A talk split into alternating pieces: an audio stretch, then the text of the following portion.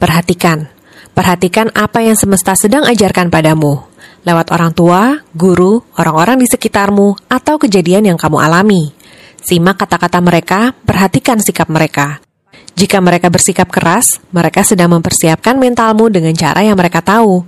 Kadang apa yang mereka ajarkan tak sesuai dengan kenyataan. Perhatikan saja, mungkin ada trauma yang belum mereka selesaikan dan mereka tengah berproses melampaui ego. Tak perlu menilai, tak perlu kecewa. Mereka juga manusia, mereka juga bergumul. Nantinya mereka akan membagikan pelajarannya padamu supaya kamu tak perlu mengalami yang sama.